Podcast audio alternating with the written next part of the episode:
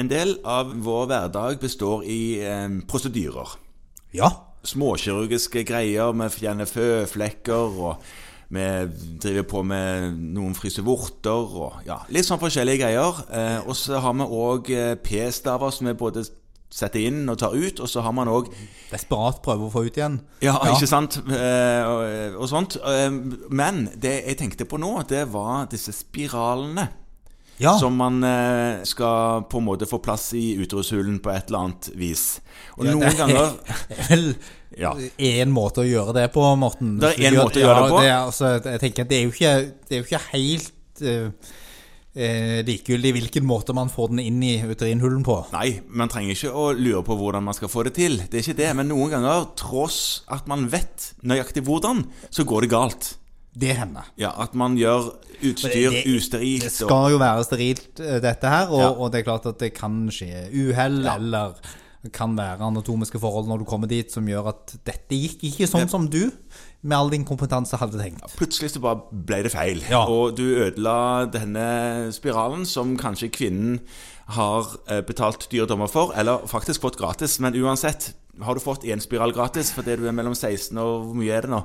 20 mm, Husker ikke. Fire? Ja. Noe sånt. Der omkring. Så får, kan du ikke bare gå og hente en ny. Nei. Nei, Så poenget er at eh, da må du på et eller annet vis erstatte dette her Ja, produktet. og det er så fint at fordi at ingen skal få angst av å begynne å sette inn spiraler, så er det nå sånn at produsenten har sagt Mhm. at hvis legen har rota det til, eller det av andre årsaker på en måte ikke kan bruke den spiralen Det har jo skjedd òg at det har vært feil på den, f.eks. Ja, det har vel skjedd, ja. ja. Selv om det som oftest er brukerfeil, så, så kan man søke om nye. Sånn har det vært lenge. Ja, for det man fylte ut papir og sendte inn til Ja. For det, Vi kan vi godt si at det, det er jo Bayer som står for de fleste av Ja, disse produktene. De, de har de som brukes mest, altså de som, som nå heter Mirena Kylena Jades. Ja. Eh, det er andre hormonspiraler på Ja, det er en, en annen Ja. fra et annet eh, firma som, eh, som fins. Men nå, akkurat nå er det her det er en liten nyhet, og det er det at Bayers erstatningsordning er nå blitt digital. Ja. Så inne på hjemmesidene så kan man nå fylle ut et digitalt erstatningsskjema. Der må man da logge seg inn som helsepersonell via ID-porten. Og så fyller man ut, og så får man da erstatningsspiralen i posten. Det tar sånn én til tre uker. ja.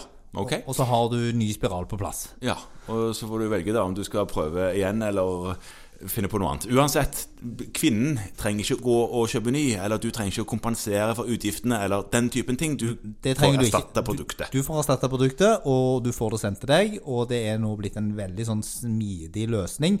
Vi vet jo snart ikke hva papirer er for noe.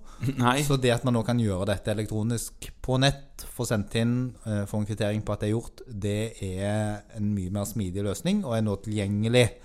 Sånn at um, man kan gå inn og søke det opp på Beyer sine sider, eller man kan klikke på linken som vi skal prøve å få lagt med her. En del um, legekontor som gjør mye av dette, vet jeg at har et lager, og så når de da gjør en feil, så sender de dette kravet, og så får de en ny tilsendt som de lar deg tilbake igjen i Ja, det går jo også helt så er, fint. er det på en måte ikke noe leik for pasienten i det hele tatt. Nei. Men det krever jo at du har omløp nok til at ikke ting går ut på dato på lageret ditt. da. Ja, Det gjelder nok de færreste fastlegekontorer. Der er nok prosedyren mye oftere at pasientene henter spiraler og tar dem med sjøl. Tror jeg òg.